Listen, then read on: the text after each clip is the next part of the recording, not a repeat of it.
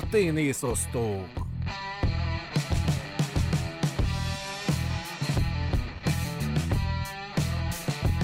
Tehát egyrészt Trianon, mint hívószó nagyon erősen érzelmi kérdésé vált, ami mögött viszont a faktuális tudás az viszonylag gyenge.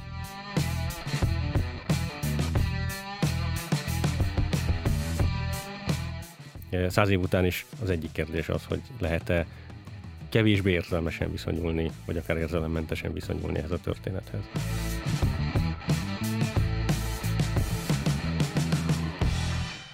Halljátok feleim, ez itt a Történész Osztók, a Károli Gáspár Református Egyetem Refkó kutatóműhelyének podcastje, ahol vitás történelmi kérdésekről történészek vitatkoznak. Sok szeretettel köszöntöm a stúdióban Ablonci Balázs történészt, a Trianon 100 MTA lendület kutatócsoport vezetőjét, és Egri Gábor, történészt, a Politika Történeti Intézet főigazgatóját, a Nepotrans impériumváltásokat vizsgáló nemzetközi kutatócsoport vezetőjét. Én Kanyú Ferenc vagyok, a Refko tudományos munkatársa.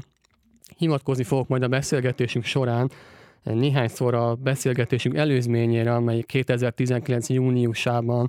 hangzott el a Csillagpont Református Ifjúsági Találkozón. Ez annak a tulajdonképpen ismétlése, utózmánya lesz, azok kedvéért, a hallgatók kedvéért mondom, akik esetleg ezeket az utalásokat nem értik. És az első kérdéssel Legri Gáborhoz fordulok, mert ugye elhangzott itt ez a szó, hogy impériumváltás, és a tavalyi beszélgetésünket követően én beszélgettem Trianonnal egy, itt most megnevezni nem kívánt illetővel, aki hát kikérte magának ezt a fogalmat, hogy impériumváltás, ez a úgy fogalmazott, hogy ez egy Trianon relativizáló fogalom, ami csak arra szolgál, hogy a történészek ilyen bájos semlegességbe burkolják a,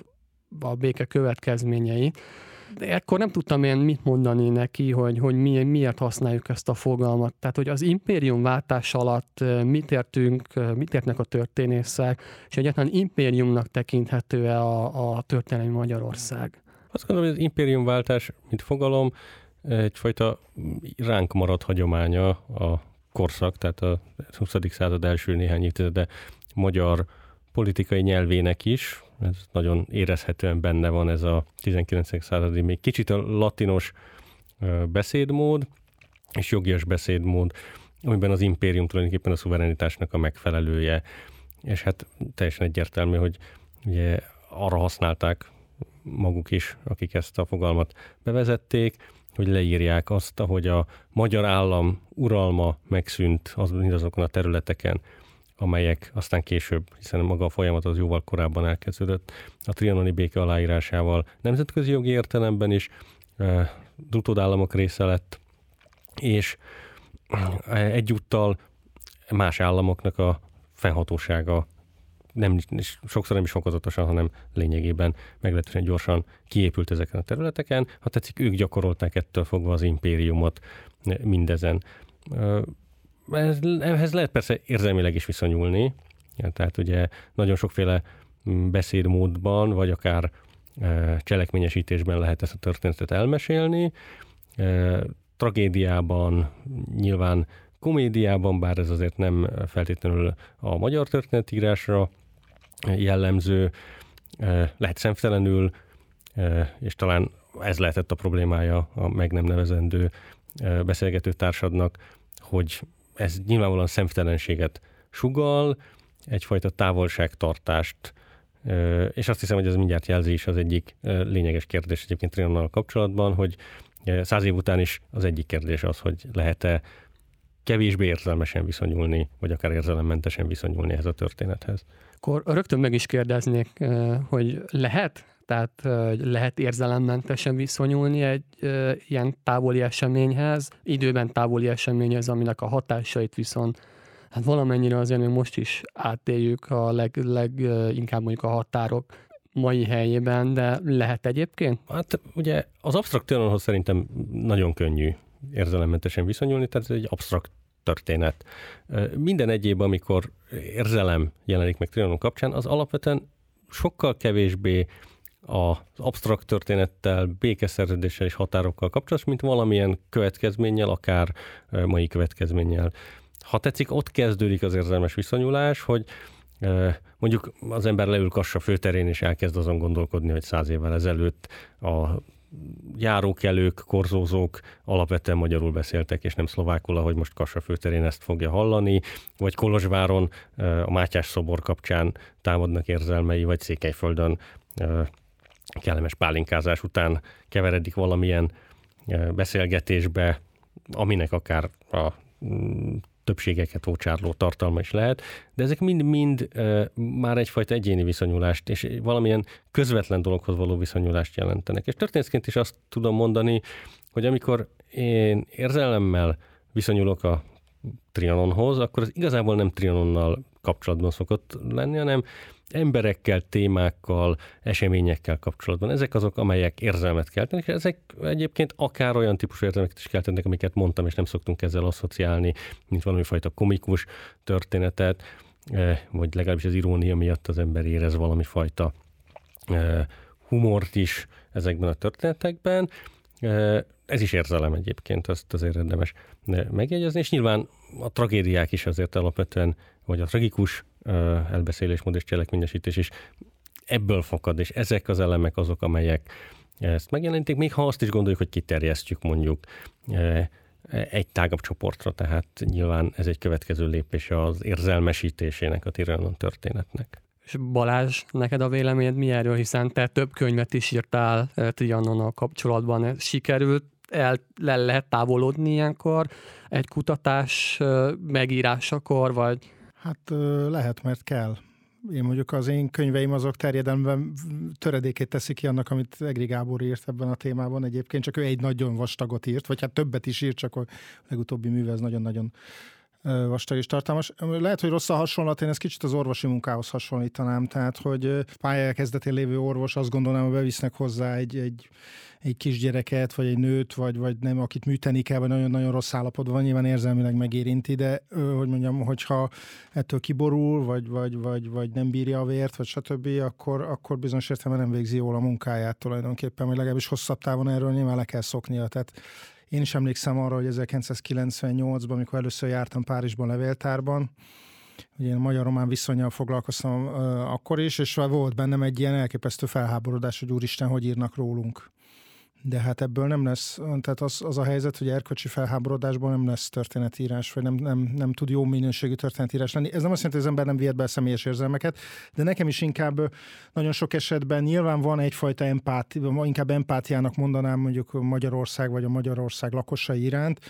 de nekem is nagyon sokszor inkább, inkább személyek iránt vannak érzelmények. Nagyon sokszor előfordult az, hogy az ember bizonyos szereplőit megutálja, vagy rájön, hogy ezek mekkora csibészek voltak. Tehát, hogy, hogy, hogy ezzel kell, vagy ezzel is érdemes kezdeni valamit, és a, a kezdő kérdésre visszatérve én azt gondolom, hogy az impériumváltást egyrészt a korszakban is használták, tehát egyébként olyan figurák, akiket én nem vádolnék azzal, hogy, hogy marxisták vagy, vagy relativizálók Tehát akkor voltak. Ne, nem egy modern fogalom, amit többen itt Nem, hát aztán később ez egyébként érdekes módon ennek meg tanulságos lenne megnézni a fejlődés történetét. Ez átszivárgott egyébként a 45 utáni vagy az 50-es évektől a magyar, tört, tehát a magyar történetírásba is megjelenik, ami valóban egy ugye alapvetően baloldali vagy, vagy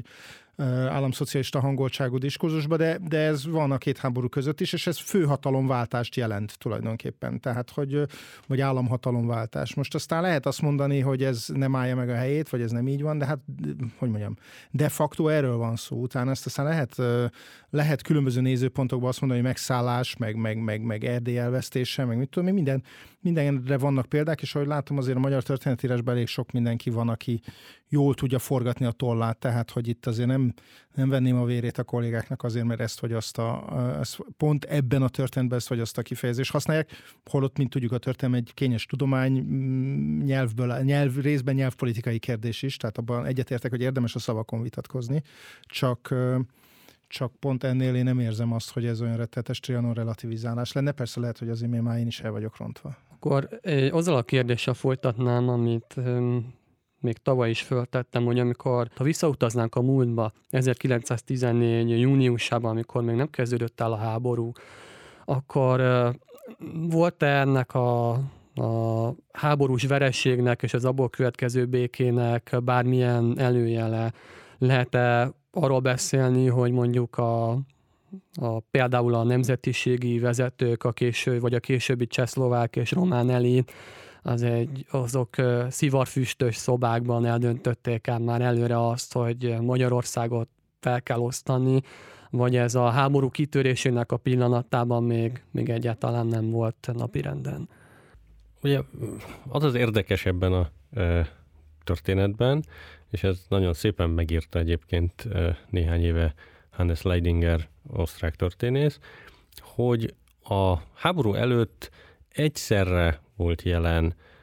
a monarchia kapcsán, ha tetszik a köztudatban, a végzetes hanyatlás és bukás tudata és érzete, és valami fajta uh, tulajdonképpen diadalittas jövő érzet. És ez a magyar köztudatban is azért megfigyelhető ez a párhuzamosság, és ez az irodalomtól kezdve a politikai gondolkodásig fel lehet hozni a példákat mind a két elképzelésre. Tehát Romsics Ignácnak van egy klasszikusnak tekinthető írás a magyar birodalmi gondolatról, ahol szépen felsorakoztatja mindazokat, akik ugye az első világháború előtt azon gondolkodtak, hogy majd a Balkán-hegység gerincénél lesz Magyarország határa, és emellett azóta már még többet tudunk a magyar gazdaság és politikai elit anatóliai elképzeléseiről, kvázi gyarmatosító elképzeléseiről is. Tehát ez egyszerre élt ez és az a fajta veszélytudat, amire mondjuk talán legegyszerűbb és én a legismertebb is Betlen Istvánt felhozni az ő parlamenti beszédeit és publikációit például Erdély felvásárlásáról. És nem azzal szeretnék itt most foglalkozni, hogy ez mennyiben volt tényszerűen igazolható, és mennyiben nem, hanem egyszerűen csak érdemes jelezni, hogy ez a kettő együtt megjelent, tehát volt félelem, és akár a tragédia, akár a tragédiától való félelem is jelen volt, és volt egyfajta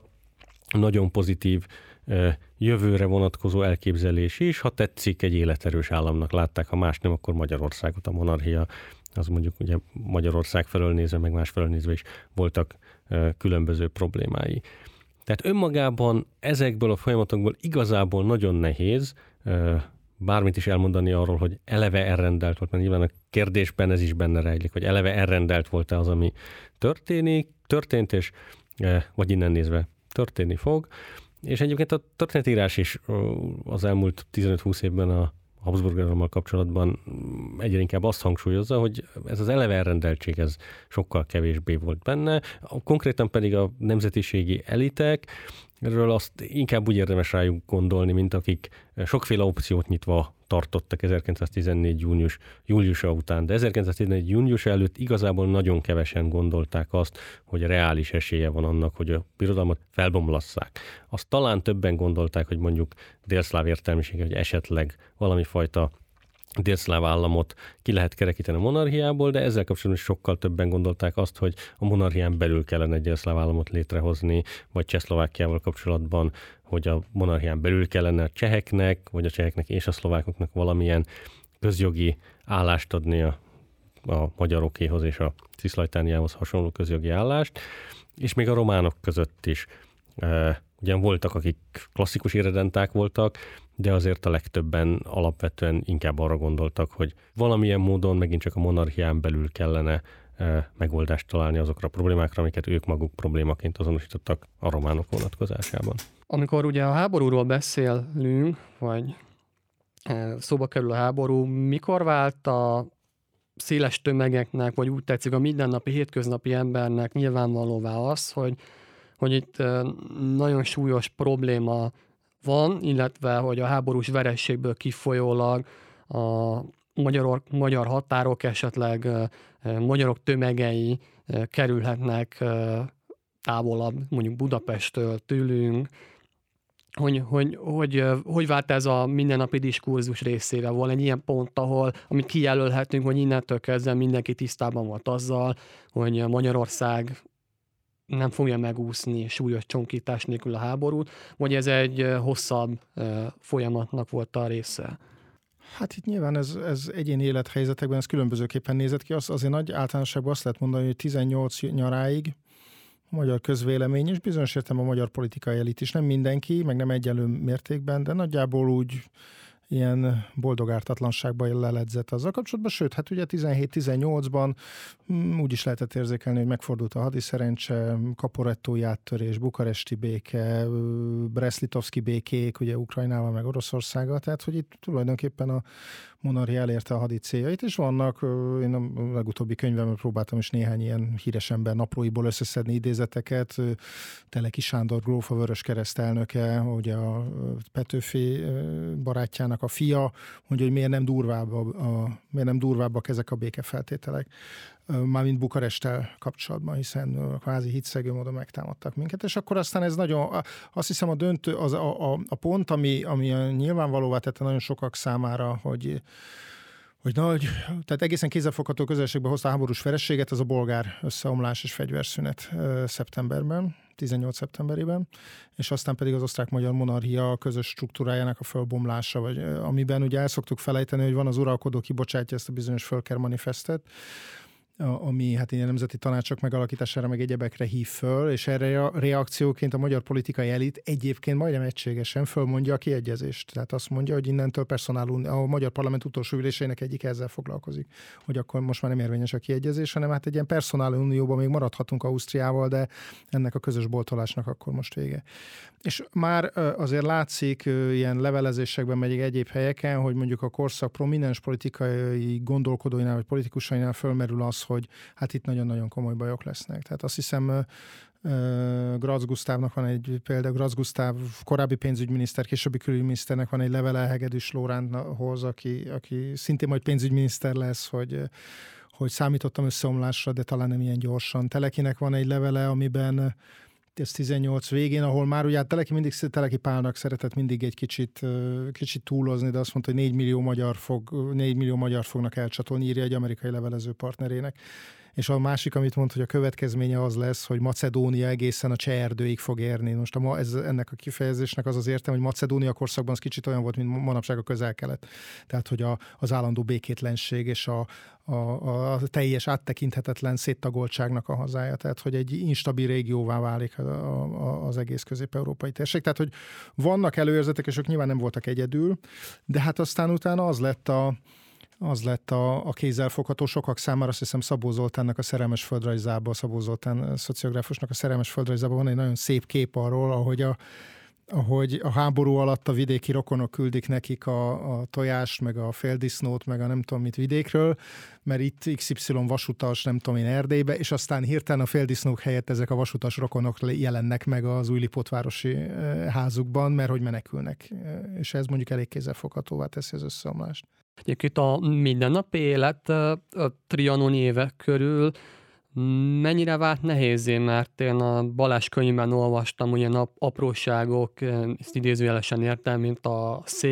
szénhez való jutás, vagy adott esetben a villamos forgalom, ilyen hétköznapi dolgok egyszer csak megállnak, és, és nem folytatódnak. Tehát ez az egész országra jellemző volt 18 végén, hogy a mindennapok az, azok így kifordulnak magukból, és egy úgymond rendkívüli idők jönnek egyik hónapról talán a másikra. Hát igen, mondjuk nyilván faluhelyen a villamos nem volt egy olyan központi probléma, de mondjuk, de mondjuk azért egy vidéken lakó is megérezte mondjuk a szén, az alapvető szénhiány, mert mondjuk akkor vonatok nem jártak, vagy nem, nem tudtak elhúzni annyi mozdonyt, vagy vagont, és akkor mit tudom én, ugyanannyi embernek kellett fel annyi vagonba bezsúfolódnia, meg nem jártak, meg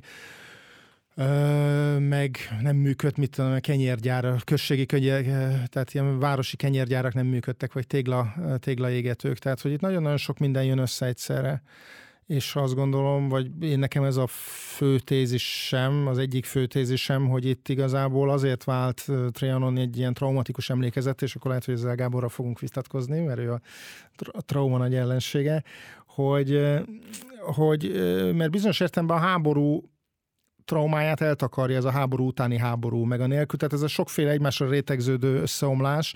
ami nem, amiről mi mindig csak a politikai összeomlásról beszélünk, vagy nagyon sokszor, és ez szerepel a tankönyveinkben is, de az, hogy itt nincs szén, meg fosztogatnak, meg megszállások vannak, elszabadul az erőszak, egy csomó minden történik, ez bizonyos értelemben rátelepedett, szerintem nagyjából a centenáriumig rátelepedett az első világháború emlékezetére. Miközben ott vannak az első világháborús emlékműveink a legkisebb települések főterein vagy utcáin is. Közben, csak hogy egy példát mondjak, a átfogó magyar magyar világháború történet, tehát első világháború történet, tehát aminek az a cím, hogy Magyarország az első világháborúban, hát most nem fogom tudni pontos dátumot mondani, de azt hiszem Galánta József írt utoljára 1964-ben, azt a különböző felfrissülésekkel egészen a 90-es évek végig azt adogatták ki újra és újra, és most az évfordulón született meg ugye Polman Ferencnek és Hajdu Tibornak a, az új átfogó monográfiája. Most ezt, ha összehasonlítjuk akár a francia, vagy meg a brit, amit valamennyire ismerek, Gábor nyilván sokkal jobban ismeri az osztrákot, vagy a németet, hát gyakorlatilag minden héten jön ki egy első világháború történet. Tehát, hogy ez sokkal jobban jelen, Franciaországban egész biztosan sokkal jobban jelen van a köztudatban. Például nálunk ez a trianoni összeomlás bizonyos értelemben kicsit eltakart az első világháborút. Ezzel teljesen egyetértek, de akár azt is lehetne egyébként példaként felhozni, hogy mondjuk Franciaországban van az első világháborúnak múzeuma, Magyarországon meg ez valahol bent van a Nemzeti Múzeum állandó kiállításában az első világháború, és ekkor egy az emlékezet része. Magához a, a ha tetszik, a tapasztalatok és a, az összeomlás között annyiban azt gondolom, hogy kevésbé egyértelmű a viszony, mert a, ezek a tapasztalatok persze fokozatosan épülnek fel a háború alatt. Tehát, hogy nem az történik, hogy 1918 végéig viszonylag rendben van a közellátás, és aztán Trianon következtében nem lesz szén, és nem lesz gabona, hanem folyamatosan romlik a helyzet. Balázs könyvében rémlik egy eset, amikor arról van szó, hogy a a fizetések azok felborulnak. Tehát a ha jól eszem, talán a gyári munkásnak a fizetése az, ami, ami megemelkedik úgymond valamennyire a, a sima állami tisztségviselőhöz képest, pedig korábban fordítva volt. Tehát, hogy ezek, ezek, ezek csúcsosodtak ki, akkor 18 igen, tehát hogy ez, egy, ez, ez, ez, és ugye ez, ez nagyon fontos, amit mondasz, hogy ugye itt van egy van egy relatív státuszvesztése a középosztálynak, amelyik egyébként ugye úgy tekint magára, mint amelyik ennek a, az országnak és ennek a nemzetnek a gerince. Ami ilyen dolgokban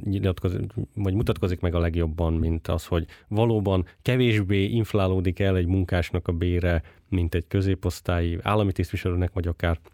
a magántisztviselőnek a bére. Részben azért, mert a munkások egy jelentős része eh, szervezetten, eh, szakszervezeten keresztül képes érdeket érvényesíteni, és ugye akik stratégiai üzemekben dolgoznak, azoknak azokat, azokkal még az állam is, ha tetszik, megengedőbb lesz, tehát maga Tisza István alakít ki egy olyan rendszert, panaszbizottságok rendszerét az üzemekben, amelyikben igazából az állami tisztviselők nagyon sokszor a munkások képviselői mellé állnak a gyárosok képviselőivel szemben, hogyha azok valamilyen követeléssel jönnek. És aztán ez a mindennapokban pedig ez olyan dolgokban csapódik le, mint hogy 1914-15 telén például kukoricakenyeret kell enni. És a kukoricakenyér az egy elviselhetetlen ellen. Egyfelől nyilván senki nem tud kukoricakenyeret sütni, mert hogy a kukoricát nem nagyon használják a budapesti pékségekben, másodszor pedig hát kukoricával a disznókat szokták etetni, meg az oláhok. Bocsánat, hogy így mondom, csak a hangulatot próbálom visszaadni. Az oláhok szoktak kukoricát tenni, nem pedig a rendes magyar e, emberek. E, vagy az is problémákat okoz, tehát egy darabig ez kulturális sok, hogy mondjuk kalauz nők tűnnek fel a villamosokon, mert a kalauzokat besorozzák. És ez ilyen típusú sokkokból épül fel az az érzés, hogy erősen változik a világ, és ezt a változást végül is pont azok, akiket, akik eddig úgy érezték, hogy ennek a társadalomnak a gerince, a legkevésbé tudják befolyásolni és fenntartani és aztán ebből e, belekényszerülnek olyan helyzetekbe, ami azért tényleg nagyon nehezen elképzelhető, ugye 1914 előtt, hogy nem étterembe mennek enni, hanem egy közkonyhára, ahol ugyan megpróbálják külön étkeztetni a középosztályiakat és egy külön menüvel és a munkásokat, de akkor is az történik, hogy hát végül ők egy szegény étkeztetésbe kell, hogy belépjenek. Tehát, hogy olyan mértékben megrendül a szimbolikus értelemben is a helyzetük, ami egyébként egy traumatikus élmény és ezen próbálnak különböző módon segíteni, tehát átvesznek formákat. Nem véletlen, hogy például 1918 novemberében az egyik dolog, ami megszerveződik Kolozsváron, Emil Haciegánú és még jó néhány nem román tisztviselő vezetésével, vagy szervezésében, ez a ez tulajdonképpen egy középosztály, ez egy tisztviselői szakszervezet. Tehát, mert hogy tulajdonképpen azt látják, hogy a szakszervezet révén a munkásság jobb helyzetbe került, és szükség van arra, hogy ők megszervezzék magukat ebben a formában azt, is. Azt azért még hozzátenném, és itt ez a, amit Gábor mondott, ez egy nagyon fontos probléma. A középosztálybeliség azért nem csak itt, hogy mondjam, nem csak a tömegkonyha volt itt a trauma, azért az itt embereket megvernek, elveszítenek vagyonokat, és ami, meg, meg el kell menekülniük, meg tönkre megy az egész korábbi egzisztenciájuk, vagy meg is halnak, vagy hát spanyolnát, ha meg egyebek. De itt, amire fölhívnám a figyelmet, és akkor kicsit távlatokat nyissunk ebbe az egész történetbe, ugye hogy a középosztály, bizonyos értem, itt van egy furcsa paradoxon a, a háború utáni stabilizáció vagy konszolidációval kapcsolatban, hogy miközben a, a berendezkedő horti rendszer vagy a horti korszak egy nagyon, egy alapvetően, most ez egy durva egyszerűsítés, de talán érthető a hallgatóknak, egy alapvetően egy középosztályi retorikát használ. Tehát egy, a, ő a nemzeti keresztény középosztálynak, a forradalmak tüzéből kiemelkedő nemzeti keresztény középosztálynak a, a, be, a nyelvét használja. Ezen közben tulajdonképpen eléggé rafkósan, tulajdonképpen a, az egész rendszer konszolidációját azt a középosztály hátán hajtja végre. Tehát, hogy itt hatalma, a hadikölcsönök révén, tehát a, a vissza nem fizetett hadikölcsönök révén gyakorlatilag, a, meg a bélistázások révén, meg a fizetésrendezések révén, meg a menekülés utáni alacsonyabb beosztások révén. Itt egy elképesztő anyag, tehát hogy mondjam, pénzmennyiség megy veszendőbe, tehát itt a, a, a presztízs ugyan talán megmarad, de az ehhez hasonló anyagi hogy ehhez szükséges anyagi eszközök egyáltalán nincsenek meg, és bizonyos értelemben innen érthető meg az, e felől érthető meg az mondjuk például a 30-as évek politikai radikalizálódása. Tehát az, hogy a középosztályban is földgyűlik egy olyan mértékű elégedetlenség, ami aztán főleg hát a, az egy másik kérdés, hogy a rendszer inkább jobb oldal felé nyitott, tehát a, a megágy az bizonyos értelemben a szélső oldali radikalizmusnak, ami aztán megjelenik a kormánypártba is, meg, meg attól, attól jobbra is. Tehát, hogy itt, itt ennek ilyen, köve, én úgy gondolom, hogy ilyen következményei is vannak, és amikor traumáról beszélek, igen, én is nagyon nehezen élem meg, amikor a buszon valaki hangosan hallgatja a Spotify, de mondjuk ez egy olyan trauma, amivel együtt lehet élni, tehát a tömegkonyhát ide hasonlít, vagy ehhez hasonlítanám de hogy itt az, hát mondjam, egy fizikai életveszély van, és nagyon sok esetben, hogy legalábbis az emberek így élik meg, csonka családok vannak, fölbomlanak, nyilván a korszakban se az volt, hogy mindenki családban élt, tehát ez egy félreértés nem volt ilyen, hogy régi boldog békeidők, meg hasonlók, de hogy itt egy áll, átfogó létbizonytalanság van, akkor így mondanám. Egy, ehhez, ehhez kapcsolódnak a következő kérdésem, ami talán Balázs a könyvében nem mond ki, de nekem mégis kicsit úgy tűnt egy-két fejezetben, hogy mintha a magyar lakosság, vagy a magyarországi lakosság is óhajtotta volna a bármilyen békét, akár Trianon árán is, mint hogy az erőszak hullámoknak a folytatását. Ezt így lehet mondani, vagy ez erős túlzás lenne a részemről? Hát rövid távon lehet, hogy voltak olyan emberek, akik azt gondolták, hogy most már legyen vége. Tehát, hogy most, most már, tehát, hogy inkább még a, a, a nagyon-nagyon szűk, biztos jövő is jobb, mint az esetleg távlatokat nyújtó, bár nem tudom milyen távlatokról lehetett akkor beszélni, akkor már évek óta egy, egy bizonytalanság zajlott, hogy akkor, akkor lehet, hogy az, az, akkor inkább ne írjuk alá békét, és akkor még két-három évvel tovább tart ez a dolog. Tehát, hogy én nem biztos, hogy voltak ilyenek azért, de, de nem tudom, hogy ez egy ilyen, tuda, hogy, hogy sokaknál ez tudatos döntés volt-e. Ugye azt gondolom, hogy szerintem én inkább úgy képzelem el, de ez most tényleg spekuláció, hogy, hogy ugye nem feltétlenül ért ez, össze ez a két várakozás. Tehát volt egy várakozás a békével kapcsolatban, de egyáltalán nem az volt a várakozás, hogy a béke azt fogja jelenteni, amit majd jelentett a béke. És ugye ebben a helyzetben nyilván könnyebb, tehát lehet, hogy másfajta e, érzelmi viszonyulás is megjelent volna e, korábban, bár azért amit tudunk a 1918 végének magyarországi társadalmáról, vagy amit tudunk ugye mondjuk most már sokkal többet Révész Tamás könyvének a publikálása óta a hadseregről azért nagyon erős, tehát ez a háborús fáradtság ez nagyon erős volt. Itt inkább, itt inkább, ha tetszik, ez nem is a talán úgy lehet fogalmazni, nem arról volt szó, hogy egyáltalán volt várakozás azzal kapcsolatban, mi lesz a béke, hanem ez egy olyan téma volt, ami valószínűleg túl volt a horizontján az embereknek 1918 végén. És ugye ami utána következett, az persze egy olyan folyamat volt, ami nyilván a társadalomban jelentős csoportokat már más irányba terelt, hiszen ez már egy másfajta tapasztalat volt. Még szintén 18-20 kapcsolatos kérdésem lenne. A másik, ami nekem feltűnt szintén Balázs könyvéből, hogy, a, hogy az államnak, a magyar államnak, mint szereplőnek a, tulajdonképpen a hiánya az egész történetben, mintha a távoli periférikus területeken lévő magyar tisztviselők hogy magyarországi tisztviselők is azt várták volna, hogy mit mondanak nekik Budapestről.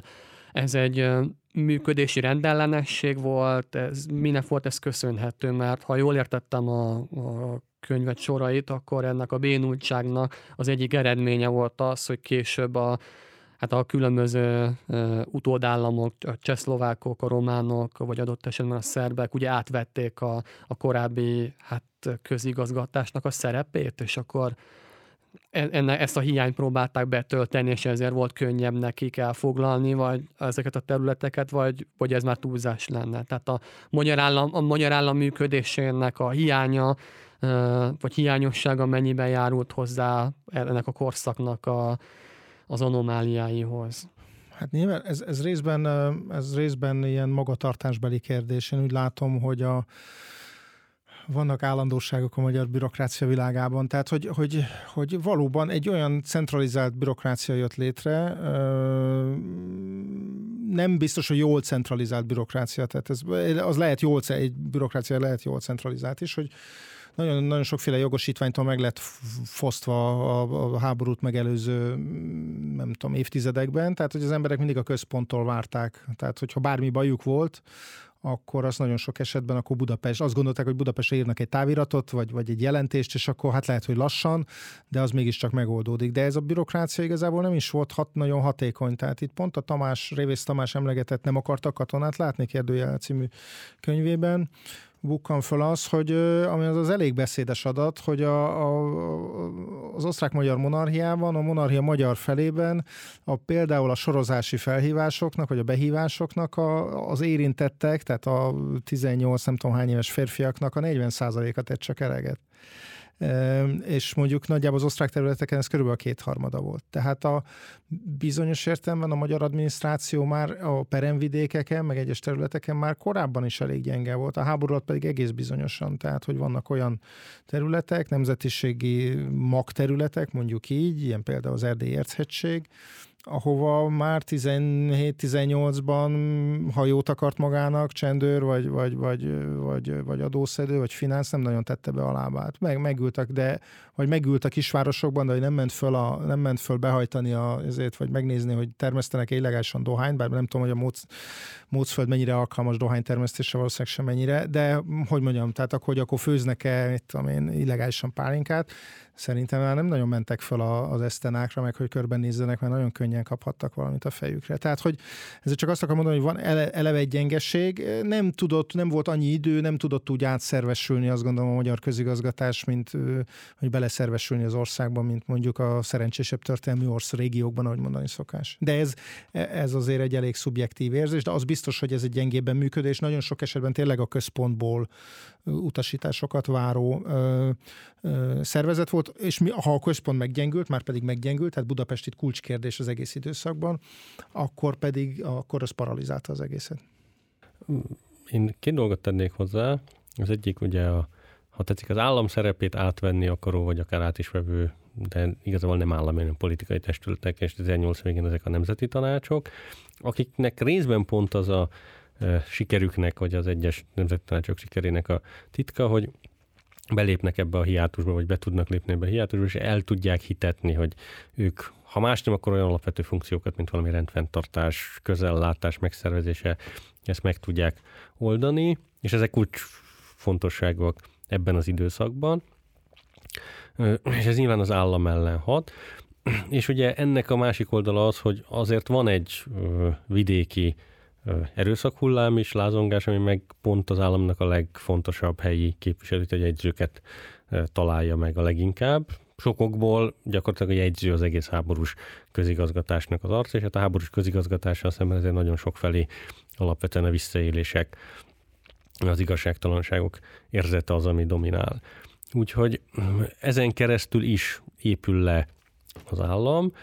és mm, ezt igazából a magyar állam már nem tudja visszaépíteni ezeken a területeken. Valami fajta konszolidációra 1918 eh, utolsó hónapjaiban persze sor kerül ott, ahol még ekkor a magyar állam tényleges fennhatóság alatt áll minden. Ami viszont szintén része a kérdésnek, és ugye, hogy a tisztviselők egyáltalán hogyan reagálnak arra, hogy megjelenik egy új hatalom, és átveszi az uralmat, és ugye különböző hűséges fogadalmat kért tőlük, de ezért cserébe valamilyen ajánlatot tesz. Ennek megint csak az az egyik oldala, hogy és ez nagyon fontos, hogy a központból mit mondanak nekik, tehát a reakciónak alapvetően ez az legfontosabb vezérlőelve. És Bocsánat, csak annyi, hogy a köz, központból össze-vissza beszélnek nekik. Tehát egyik nap azt mondják, hogy tedd le a hűséges küt, két héttel később azt mondják, hogy ne tedd le. Tehát, hogy van egy ilyen probléma, és bocsánat. Igen, és és aztán az, hogy ez a központ hogyan változik, akkor ez még uh, picit színezi a, színesíti a dolgokat. Tehát most ugye nagyjából úgy néz ki mondjuk uh, Erdély és a keleti alföldi területek kapcsán, hogy például van két vagy három megye, ahol tulajdonképpen gond nélkül megtörténik még 1918. december elején a hűséges külletétele, alsó fehér meg kisükülő biztos ide tartozik, aztán hirtelen elkezdik megtagadni ezeket, de például amikor 1918 tavaszán a román csapatok a parciumot szállják meg, és ugye ekkor már Magyarországon tanácsköztársaság van, akkor már azért sokkal inkább hajlamosak a magyar tisztviselők valamilyen fajta elköteleződést mutatni a román állam iránt is. Tehát, hogy ugye ők maguk is számolnak azzal, hogy egyáltalán szemük, a szemükben mennyire legitim az a központ, amelyiktől eddig várták az iránymutatást. És ez bizonyos esetekben, ebben az esetben például nyilvánvalóan segíti, ha tetszik a, a román állami konszolidációt mondjuk ebben a helyzetben. Elhangzott korábban is a, a menekültek kérdés, hogyha még kicsit tovább lépünk, ugye a ezzel csatolt területekről történő hát érkezés, folyamatos érkezés, ugye a később ugye a vagonlakóknak a, a, a helyzete, és bevallom, nem tudtam nem észrevenni a modern politikai párhuzamot abban, hogy még a baloldali kormányok elég teszettoszán, de valamilyen befogadó magatartást tanúsítottak, vagy nem tudtak ugyan a központi akarat gyakori hiányával van kezdeni vele valamit, addig a jobboldali kormányok nagyon gyorsan le, levágták ennek a beáramlását nemzetpolitikai, meg identitáspolitikai okokból. Ez egy, ennek egyébként a, a lakosság ma mennyi nyoma maradt ennek az adott esetben a, annak, hogy ugye a már említett, hogy hirtelen a Fehér megyéből a rokonok megjelentek a vidéki küldemények helyett, mennyi, mennyi lenyomata maradt ez, ezeknek az embereknek a, a mindennapok emlékezetében? Hát az emlékezetben nem nagyon maradt meg, és igazából tehát ez az egész menekült kérdés. Én lehet, hogy ezt a dolgot, ezt a menekültekkel való bánásmódot nem egy jobb oldal, bal oldalra fűzném fel, bár az is teljesen legitim,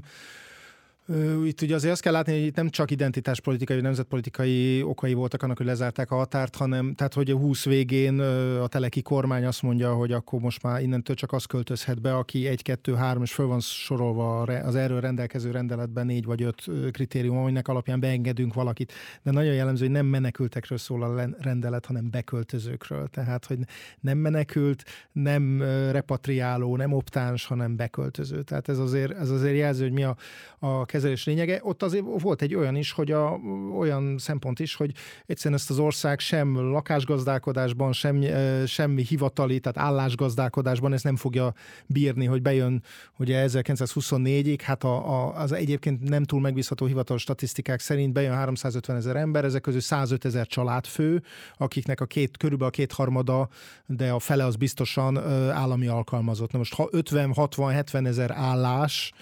nincs, amely kisebbedett országban. Tehát az egészen nyilvánvaló, az egész országnak nagyjából egy, ennyi adminisztrátorra van szüksége. Tehát, hogy itt van egy, hogy mondjam, praktikus munkaerőgazdálkodási szempont, hogy nem, ennyi embert nem fogunk tudni ellátni. És, az, és van mögött egy olyan félelem is egyébként, hogy ha itt ennyi elégedetlen embert befogadunk, akkor jöhet egy harmadik forradalmi hullám mint ahogy 18-19 cet nagyon sok esetben ugye kvázi az értelmiségi proletariátus növekedésével indokolták. Tehát ez például a numerus clausus vitái környékén ez rendszeresen visszajön, hogy a, az értelmiségi proletariátus felnövelése okozta a, a forradalmakat. Tehát, hogy féltek egy ugyanilyen, e, egy ugyanilyen szituációt, és az a másik, hogy azért vannak visszaemlékezések arról, hogy, hogy ez nem fogadták a menekülteket mindig olyan egyértelműen. Tehát nyilván, és megint csak nem emberi rosszasságot akarok ebből mondani, vagy hogy, hogy hogy a úgynevezett csonka magyarországiak mások lettek. Van egyszerűen félelem volt, konkurenciát jelentettek a lakáshivatalban, konkurenciát jelentettek az állás állásoknál. Épp most a héten voltam Győrben egy, egy, egy konferencián, a, Hittudományi Főiskolán, ahol az előadásom után odajött egy idősebb egy lelkész, a római katolikus lelkész, aki mondta, hogy ő, az ő családjából is menekültek vannak, és hát, hogy ők emlékeznek, a család emlékezet megőrizte azt, hogy, hogy egyáltalán nem fogadták őket olyan nagyon szépen, hanem hogy miért jöttetek ide. És aztán van, vannak ilyen napló feljegyzések, meg hasonlók. Egy, és egy vidám adalékot is említett, ezt most elmondom, hogy megmaradjon az örökkévalóságnak, hogy a, a menekültek vagonsorát azt úgy hívták, hogy Szent Antal sor, ez volt a, a neve, és hegyes halomban, és kérdeztem, hogy miért, mert hát az volt, hogy ott ugye, amikor megérkeztek valahova, hogy ezeket a vagonokat állandóan tologatták fel alá, és hát ilyenkor az emberek kipakolnak mindent, kiteszik a napra a dunyhát, kiterítik a, kiterítik a, a, a ruhákat, stb. De hát ezeket a vagonokat néha rajtaütésszerűen megint elindították, vagy félretolták, és akkor borult minden. És akkor a jajveszékelés, ami általában Szent Antallal kezd. Ó, Szent Antal, miért tetted ezt velem, segítsél? Tehát innentől lett a Szent Antal sora neve a, a, a menekültek vagonsorának, de az, és akkor ez egy utolsó mondat, hogy egyébként a vagonlakás az nagyjából a menekültek olyan 10-12 százaléka lakott húzamosabb ideig vagonba, csak ők bizonyos értelemben jelképeivé váltak az ország trianoni kiszolgáltatottságának, tehát mindig, ha trianoni menekültekről beszélünk, akkor elsősorban róluk beszélünk, pedig a többség az ilyen baraktelepeken, meg hasonló helyeken húzta meg magán. De ha ehhez kapcsolódhatok, ugye ennek is van egyébként a, egy ahhoz kapcsolódó része, amit már beszéltünk, ez a középosztály tapasztalatai és traumája. Ugye a, ez ugyan semmilyen szempontból nem perdöntő, de mondjuk az Arkánumban én a legkorábbi vagonlakókkal kapcsolatos cikket még a népszavában találtam, és ő az még a vagonlakó munkásokkal foglalkozott. És jól lehet látni, hogy 1920-ban a nyilvánosságban a vagonlakók képe átalakul egy ilyen középosztályivá, és nem függetlenül attól, hogy a béke szerződés aláírása körül, meg a kezdődő irredenta propagandában ezt haszn- szemmel hasznosnak tartják. Tehát, hogy amikor például francia tábornokok járnak Budapesten, akkor azért középosztályi vagonlakókhoz viszik el őket, hogy illusztrálják, hogy lám, ilyen rettenetes állapotok uralkodnak Romániában, hogy művelt franciául beszélő tisztviselőknek kell Budapesten vagonban laknia. Ugye ennek a, a maga szempontjából nem nagyon tudom, hogy lett volna bármiféle külpolitikai hatása, ez biztos vagyok, hogy Balázs is megerősíti, de nagyon erősen rányomta a bélyegét arra a képre, ami megőrzött a vagonlakókról, amit Balázs is mondott, hogy noha nem ők voltak legnagyobb része ennek a menekült tömegnek. Azt azért tegyük hozzá, hogy, hogy ez a vagonlakás, most az, hogy középosztálybelieket ére vagy sem, ugye nagyon sokszor azért, ugye ez, ez a munkás besorolás, most a népszak munkásnak nevezi őket, ugye egy csomó MÁV alkalmazottat találunk köztük, aztán egy, egy MÁV segédhivatali ellenőr, hogy az most középosztálybeli munkás-e vagy sem, ugye ez egy másik történet, de hogy azért a, nem régen átnéztem, a, tudom, hogy ez egy nagyon pervers foglalatosság, de átnéztem a hatodik kerületi halálozási anyakönyveket 1919 19 vége, tehát a román kivonulás, és 1921 eleje között, hogy a hatodik kerület, az akkori hatodik kerület területén feküdt a nyugati pályaudvar, meg a rákos rendező. Ö, és hogyha ott megnézzük a halálozási statisztikákat, mondjuk nem biztos, hogy mindent bevezettek, de amit látunk, tehát akik vagon lakó, akik, akik ezt nagyon, nagyon, hogy mondjam, megszenvedték, azok a gyerekek. Tehát és, és ez, ez időszakos volt, tehát jól láthatóan valószínűleg a, a pokoli higiénés viszonyok miatt, főleg nyáron érdekes módon, amikor nyilván a több vízre volt szükség, heti egy csecsemő, tehát két év alatti gyerek biztos, hogy meghalt a, a nyugati pályaudvaron, és a halázási okként azt írták oda, hogy bélhurut. Ugye ez, ugye ez ma mit jelent? Valószínűleg ez ilyen kiszáradásos gastroenterológiai problémák, ami valószínűleg normális körülmények között akár még orvosolható is lett volna, már a korszakban is, tehát nem csak ma és mégis ezek a gyerekek meghaltak. Tehát, hogy itt azért meg, meg gyerekek, az ritkábban van, a gyerekeket elgázó van, a bujó, ott beesnek valamiféle ilyen vízelvezető árokba, Ferdinánd híd alatt megfulladt, tehát, hogy egy csomó ilyen, csomó ilyen van, tehát a halottak többségét például ők teszik ki. A nyugati pályaudvaron és a rákos rendezőn biztos, most dolgozom a déli pályaudvaron, és majd meglátjuk meg, meg Kelenföldön, hogy ez mi lesz. Tehát, hogy ez itt azért persze közép, van csomó középosztálybeli közöttük, persze van egy csomó olyan, aki amikor lakást akarnak adni neki, elmondja, hogy ő inkább marad a vagomba, mert egy egy szoba konyhásba ő nem fog beköltözni, hát ott prolik laknak, tehát ez is ugye minden nap életből vett konfliktus ebbe a korszakba, de ettől maga a sors, ami nem állítom, hogy ez a legrémesebb sors a 20. században, de azért egyáltalán nem, nem kellemes, vagy egyáltalán nem jó, tehát hogy itt, itt az emberi tragédiák, meg tönkrement életek vannak mögöttük. Tehát, hogy itt, itt ezt is számot kell vetni. Nyilván van, jobban érinti a középosztályt, az kétségtelen, az abszolút egyetértek Gáborral, csak az ember azért bizonyos értelemben, és akkor itt térünk vissza az érzelem kérdéséhez, nyilván nem tudja megtagadni a, az empátiát attól, amikor látja ott a, izében, hogy egy éves meghalt izében Bélhurutban apja MÁV pályamunkás, anya háztartásbeli, és az apja is mit 22 éves annak a gyereknek. Tehát, hogy most akkor meg kellett halnia, miért kellett meghalni egy egyéves gyereknek? Tehát. A horti rendszer idejében járunk már, maga a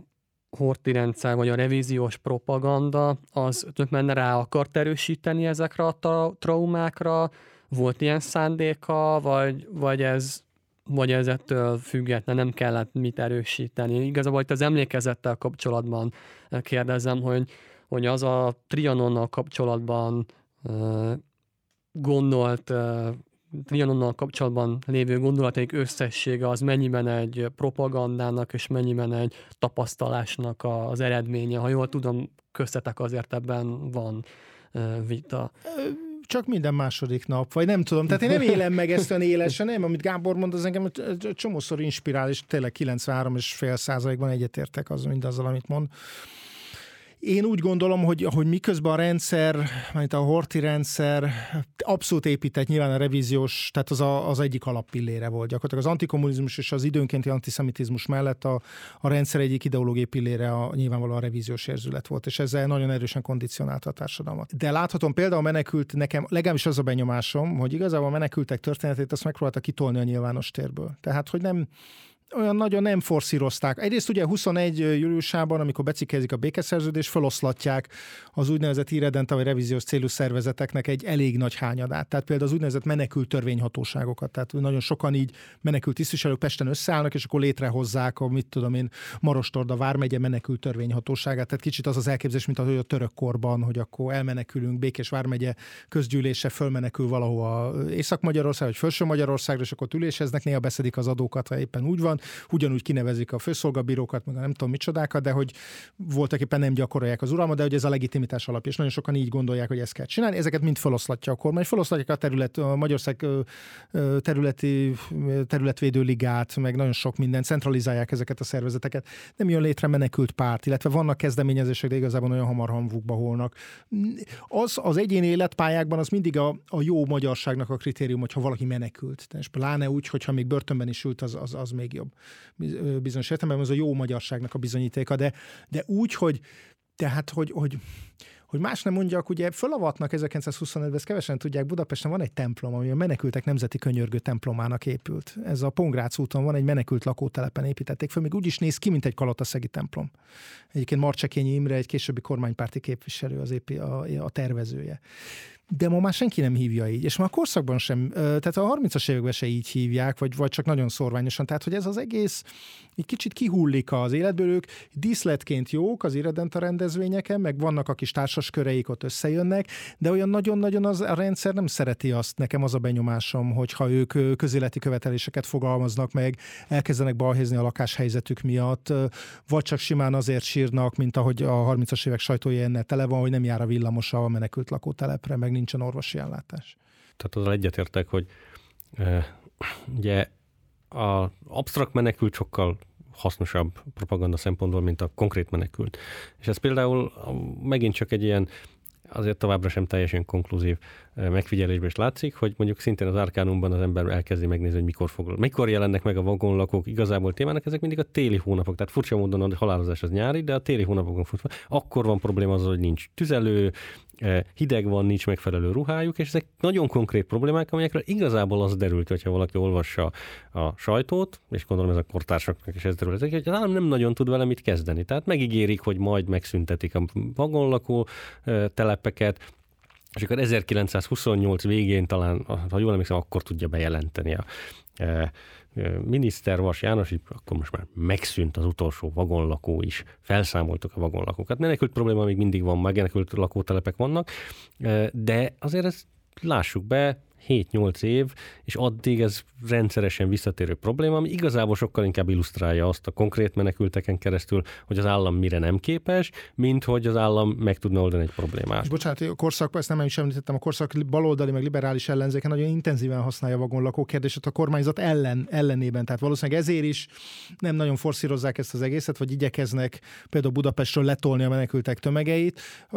mert, mert állandóan a kormányzat ez, vagy az ellenzék ezen köszörüli a, kor, a, a nyelvét a kormányzata kapcsolatban, hogy hát itt van, be, arról beszélünk, hogy izé, Trianon, meg revízió, meg hogy minnyáján jó magyarok vagyunk, meg egy nemzeti közösség vagyunk, mert itt ez annak is a része, hogy radikálisan, de ez egy messzire vívő probléma, átalakul a nemzetről való gondolkodás szerintem. És ez egy jó téma a szociáldemokrata, meg liberális ellenzéknek, tehát a kormányzat ezért sem rajong az egész dologért. De a másik oldalról azért, amit Balázs mondott, hogy a menekültség, mint állapot, az azért szimbolikusan valami fajta értékkel kezd el bírni bizonyos egyébként a, akár a nemzet meghatározása szempontjából is, vagy jó magyar, a menekült biztosan jó magyar képzetek összeállnak, illetve, ahogy azt már mondtam, ugye a bizonyos típusú menekültek sorsa az azért mégiscsak 20-as évek elején biztos, hogy ugye propaganda értékkel bírónak látszik azok számára, akik ezt a propagandát próbálják működtetni, és a későbbiekben ez aztán feloldódik. Tehát a menekültek eh, nem konkrét menekültként, hanem inkább egyfajta problémaként eh, részesei lesznek annak a eh, igen vaskos listának, ami tulajdonképpen a magyarság sérelmeit jelenti a szomszédos országban. És ez már vaskosan része a propagandának is, de ebben nem használják ilyen, ezek konkrét példákat igazából nem nagyon használnak ebben az értelemben, tehát nem töltik meg a propaganda brosúrákat menekültekkel. Tehát ezért van az tulajdonképpen, hogy ez egy, el, amikor én azt mondtam, hogy elmondatlan történetet, én azt érzékelem, hogy nagyon sok esetben a mi a kutatócsoport vagy egyes történészek munkássága nyomán, tehát én magam is azzal szembesülök, hogy amikor föltettünk a honlapunkra például egy menekült adatbázis 15 ezer névvel, akkor egyik napról a másikra több tízezres látogatottsága lett a honlapunknak, elkezdtek áradni a levelek, amik egyébként a mai napig jönnek, és a mai napig a legnézettebb baloldalunk ez a menekült adatbázis, és egy csomó mindenki, mintha rájött volna, hogy itt van egy, hogy, hogy az ő személyes történet, amit a családjában megélt, az igazából egy nagy nemzeti történet része, csak ezt ő soha nem olvasta, sehol nem látott visszajelzést erre vonatkozóan, nem készült róluk film, igazából szép irodalmi művek vannak, de azok nincsenek benne igazán a nemzeti kánonban, vagy a, a, a kötelező olvasmányok között, és a többi. Tehát, hogy itt, itt van egy el, elfeledett történet, még akkor is, hogyha ez ugye a, a könyvpiacon ez általában mindig, vagy ha mindig azzal operálunk, ha valami érdektelen, akkor vagy azt mondjuk, hogy ismeretlen, mint például, vagy azt mondjuk, hogy elfeledett. Tehát ugye ez egy könyvkiadói fogás, de ez így tényleg van egy, egy, egy nem elmondott történet, akkor inkább így mondanám. És a mai, tehát visszatérve egy kicsit a kérdésem első fejére, a mai képünket a Trianonnal kapcsolatban akkor zömmel a horti rendszernek ez a fajta propagandája határozza meg? Tehát ugyanazt gondolja mondjuk a, egy átlagos uh, magyar, ha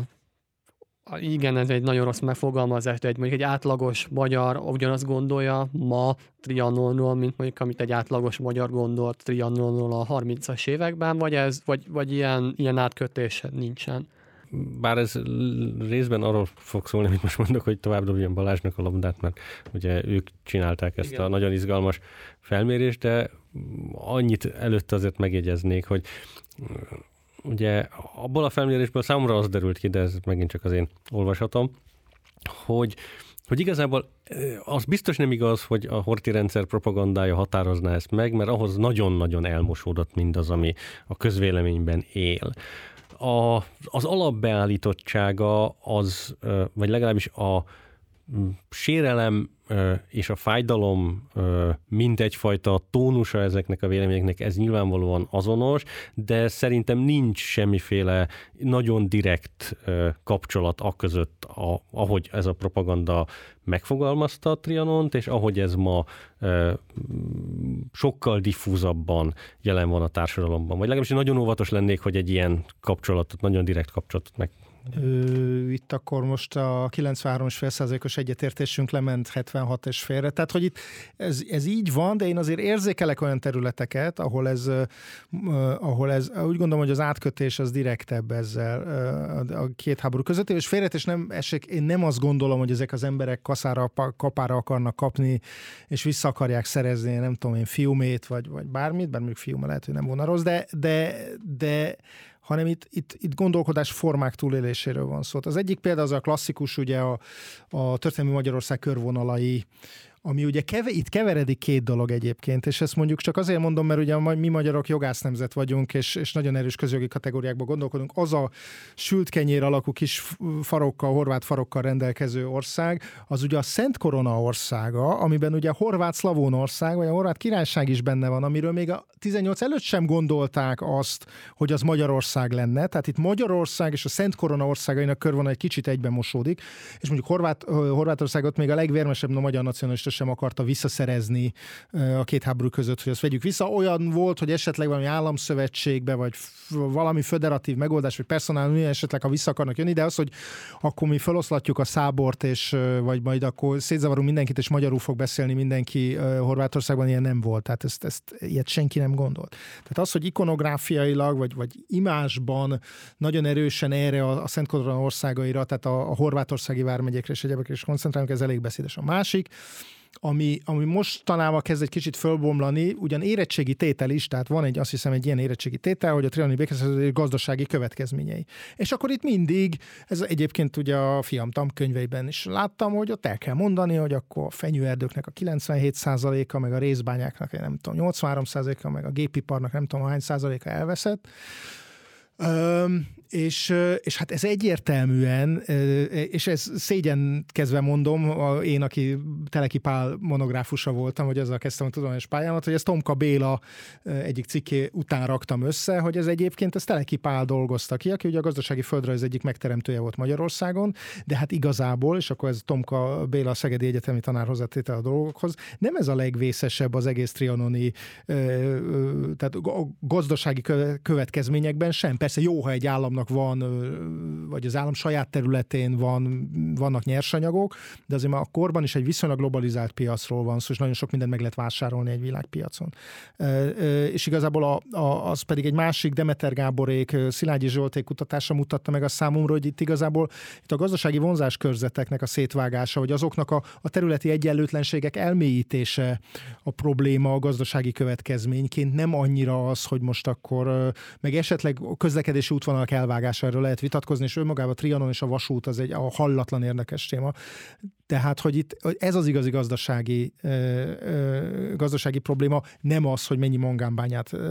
vesztettünk el, amit mindig ilyen kicsit litániaszerűen felsorolunk ezzel kapcsolatban. És ennek a gyökerei ezek abszolút a, a két háború között, két háború között vannak. Tehát, hogy vannak ilyen túlélő, valóban kicsit alaktalan, pedig for, gondolkodási formák. Ugye, de erre azt mondanám, hogy ez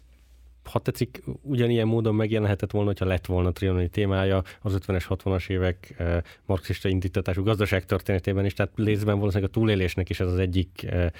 eh, oka, ebben az esetben, tehát hogy egy, még ez egy viszonylag eh, kontúros módon élt túl, ha lehet így mondani, hogy egyébként ez bőven beilleszthető volt ebbe a akkoriban uh, működőképes történeti narratívába is. Tehát ez egy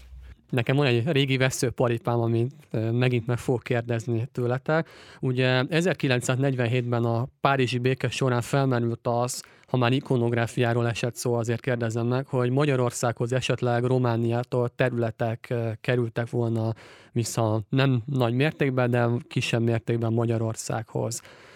Mennyiben módosította volna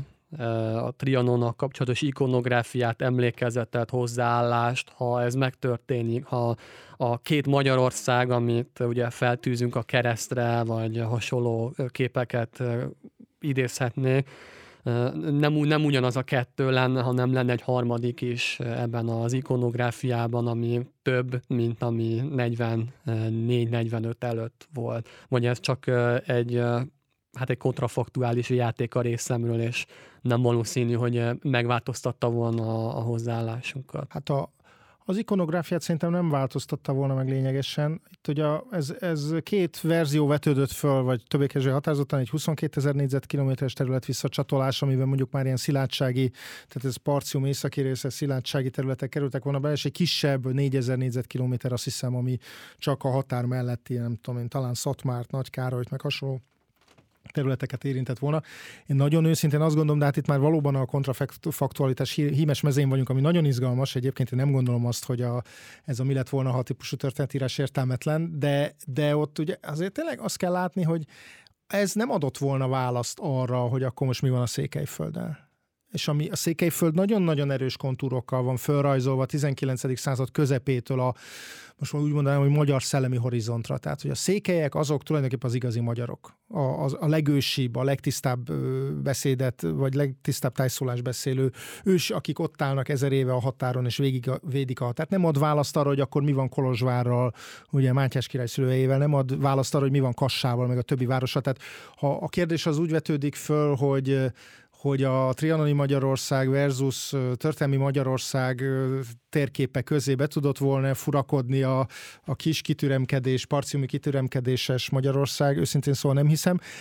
de le, lehet éppenséggel, de az, hogy, hogy a, a revíziós érzületet, tehát az, a, azt a trianoni traumát, vagy neurózist, hogy most eh, tegyek egy gesztus Gábor felé, eh, nem hiszem, hogy megváltoztatta volna. Tehát, hogy itt a maga veszteségérzése, eh, a jó-rosszul megért veszteségérzése, az, az, az szerintem az, azt nem orvosolta volna ez a dolog. Hát annyit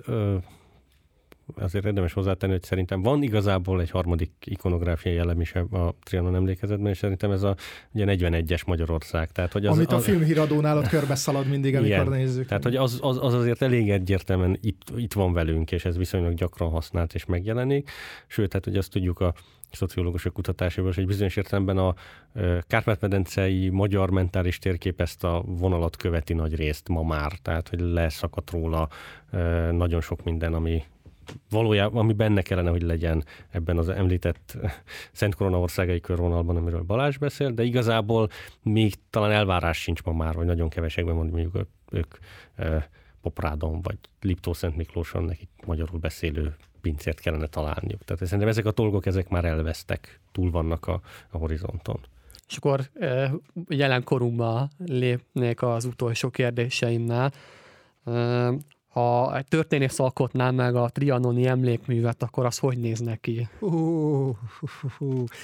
Hát ugye, Gábor, ugye van egy ugye nemzeti összetartozás emlékhely, ami, amivel kapcsolatban ugye Gábor elég erős kritikákat fogalmazott meg, amelyeket én részben osztok, részben kevésbé. Igazából én még azt figyeltem meg, ugye itt a, a mindenkit bátorítok, hogy a, a mérce.hu-n, meg, a, meg utána népszavában is írtál erről, hogy ott olvassák Gábor szövegeit, amik Ugyanakkor én, amikor ott most többször megnéztem az emlékművet, és egy nagyon, ez lehet, hogy egy mellékes, de egy érdekes fejlemény,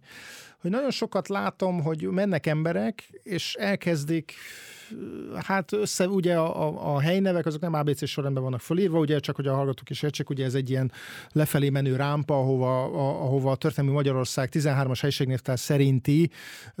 nevei vannak fölírva, ugye ezek közül nagyon sok magyarosított helységnév van, ebből kialakult egy polémia, hogy akkor most a magyarosításnak állítunk emléket, vagy sem és hogy láthatóan egy csomóan úgy mennek oda családdal, még vasárnap délután, hogy akkor és megállnak és elkezdik mutatni, hogy nagyapád, na keressük meg, nagyapád itt volt postamester. Tehát, hogy bizonyos értelemben ezt az állami emlékművet, ami azt gondolom, és akkor lehet, hogy itt vita lesz köztünk, szimbolikájában Bizonyos értelemben egy üdítőkivétel, vagy a kevés üdítőkivétel egyike, mert ezek a Trianon emlékművek nagyon sokszor, és akkor megint visszatérünk arra, egy két háború közötti szimbolikát követnek, ami a két háború között úgy gondolom, hogy jogosult volt, ma már nem biztos, hogy annyira látom ennek a jogosultságát, hogy, hogy egy más szimbolikával dolgozik, és azt mondja, hogy az valamikor ország területnek állít emléket, de hogy minden esetre a művészi végig gondolása, tehát az, hogy nem egy nagyon, nem egy nagyon szájbarágósan mondja el, amit mondani akar, és hogy megpróbál gondolkodtatni, azt én nem tartom olyan, olyan bajnak. De ha az én emlékművem az, az, az nem tudom. Őszintén szóval biztos, hogy nem, nem lenne valami figurális, és nem akarnám mindenképpen a szájába rágni az embereknek, hogy a történelmi Magyarország körvonalait, vagy, a, vagy akár a 41-es visszacsatolt területekkel együtt lévő Magyarországot nem akarnék nagyon-nagyon, tehát igazából én azt gondolom, hogy a, a, ez, ez tudom, hogy nagyon felületes és, és lendrián, de hogy a művészet dolga az, hogy elgondolkoztasson a körülöttünk lévő világról. És olyan emlékmű, ami elgondolkodtat minket erről az egészről, és nyitva hagy interpretációs lehetőségeket, tehát hogy a, a családom története legyen benne, mert azt akarom gyászolni, hogy a, a magyar állam legyen benne, amit gyászolni akarok, vagy, vagy valami egészen más legyen benne, vagy a szétszakított magyar nyelvi közösséget ö, ö, gyászolom, hogy ezeket a lehetőségeket többé-kevésbé nyitva hagyja, vagy ha el is indul, indít egy irányba, akkor tudja azt mondani, hogy egyébként ezt lehet máshogy is gondolni. Ezek nagyon összetett dolgok, de hát a művészet arra van, hogy ezeket a problémákat megoldja. Nekem, tehát még soha nem gondolkoztam rajta, hogy én milyen emlékművet állítanék. Részben azért, mert kicsit óckodom az emlékműtől, mint műfajtól. Részben azért, mert azt gondolom, hogy ugye ez nem is elsősorban történelmi kérdés, hanem az emlékezet, társadalmi emlékezet kérdése. És a társadalmi emlékezetnél én egy dolgot tartok nagyon fontosnak, hogy egy ilyen emlékmű, amikor egy ilyen emlékmű létrejön, az, hogy ez valóban egyfajta társadalmi folyamat legyen az, ahogy ez létrejön. Nem azt jelenti, hogy népszavazást kell róla tartani, vagy vagy nem lehet emlékművet állítani, mert hogy addig kell húzni, amíg kialakul valami konszenzus, hanem bizonyos értelemben meg kell mozgatni a, a meg kell próbálni megmozgatni a, a társadalmat. És ugye az én, ha tetszik, a legfontosabb kritikám azzal az emlékművel kapcsolatban, amiről, amit Balázs ilyen szépen érzékletesen leírt, az az, hogy az meglehetősen világos, hogy itt van egy nagyon komoly központi gondolata ennek az emlékműnek, és az, hogy ez a,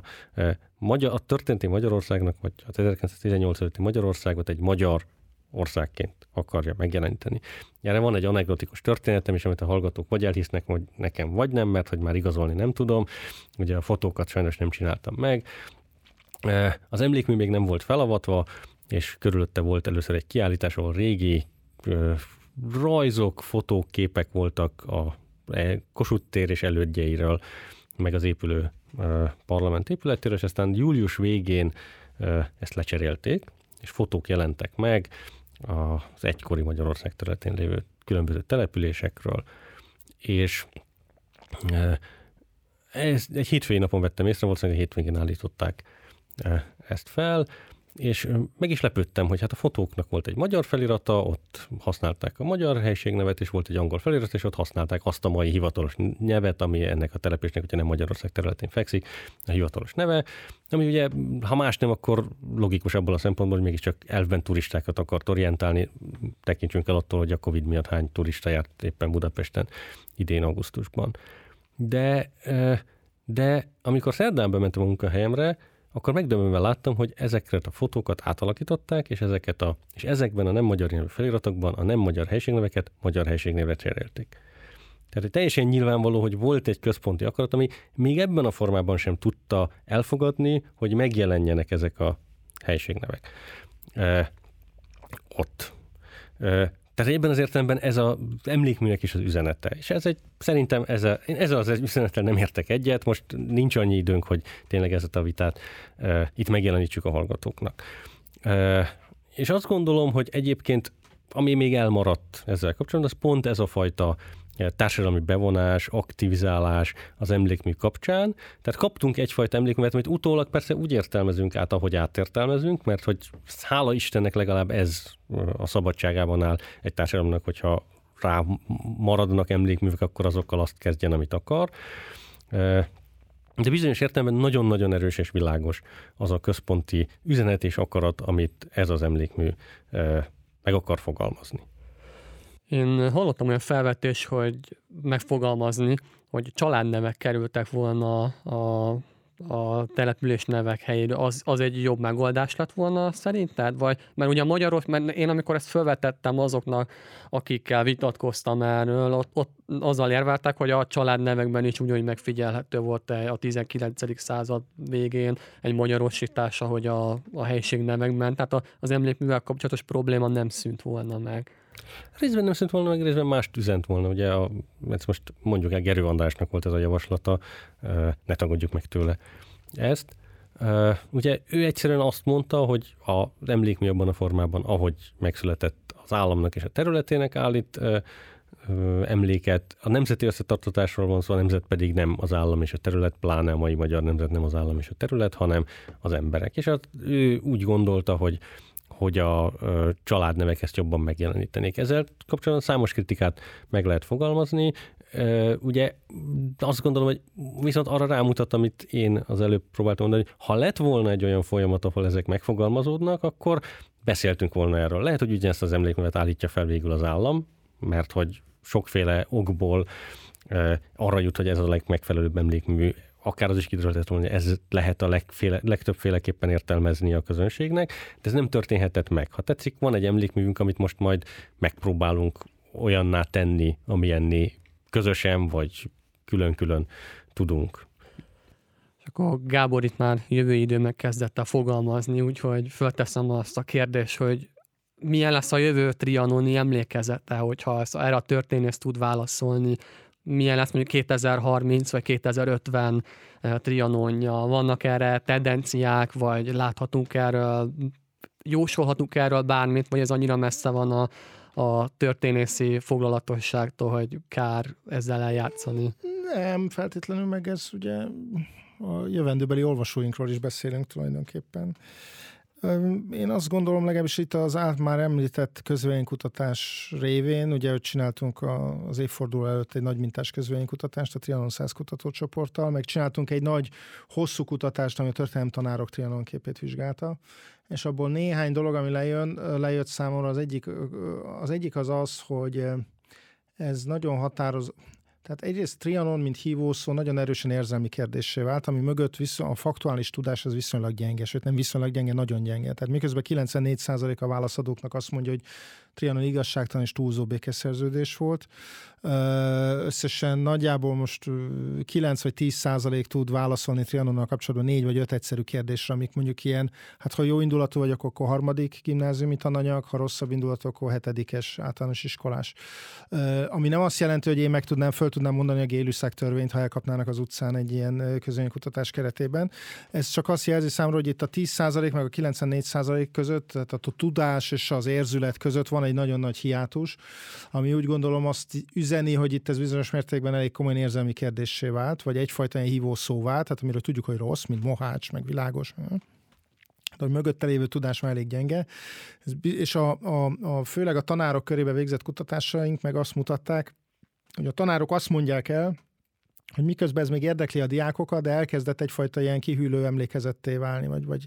úgy hideg emlékezetté válni, hogy a, a, azok a kommunikációs csatornák, ahonnan itt családon belül két-három generációra az emberek beszerzik a tudást nagypapa, nagymama, meg családi elbeszélések révén, azok, azok megálltak, mert tulajdonképpen azok az emberek, akik most iskolába járnak, már az ő nagyszüleik is 1945 után születtek, jó eséllyel,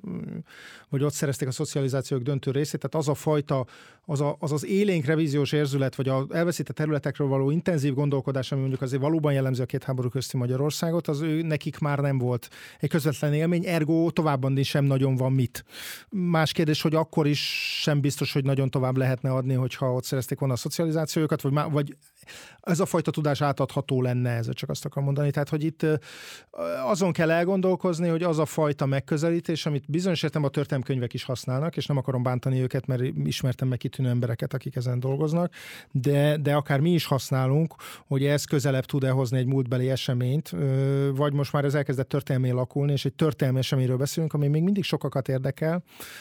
de lehet, hogy egy idő után mondjuk már nem vált ki olyan éles érzelmeket, mert egyszerűen a társadalom mindennapjai nem rezonálnak rá. Teljesen egyetértek, amit Balázs mondott. Ha nem csináltatok volna ezt a közönkutatást, akkor például könnyebb lett volna vitatkozni, de így az ember mégiscsak kénytelen meghajolni a szociológia tudománya előtt. Ugye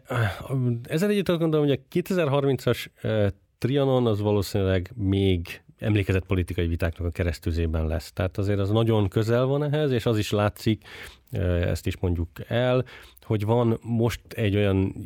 állami intézmény építés is, ami egy nagyon uh, hagyományos uh, Trianon emlékezetet akar, a történettudományon belül is intézményesíteni, illetve pénzt, paripát, posztót ad ennek az Jó, de ez itt a kérdés hogy, az, hogy ez hogy reagál hogy a társadalomra. Igen, és ez Tehát hogy, én hogy, azt gondolom, hogy ez egyre kevésbé fog, de lehet, hogy nincs igazam. De ezzel mondom, hogy az emlékezett politikai vitáknak biztos, hogy ja, a uh-huh. tárgya lesz, mert hogy ez a trend ez még nem fog lecsengeni, bármi is történik 2030-ig. Hogy a társadalom erre menj, hogy reagál, és hogy ki lesz, ki tudja majd megszólítani az esetleges vitatkozó felek közül a társadalmat, vagy a társadalom mely részét tudják a vitatkozó felek megszólítani, hiszen azért azt gondolom, hogy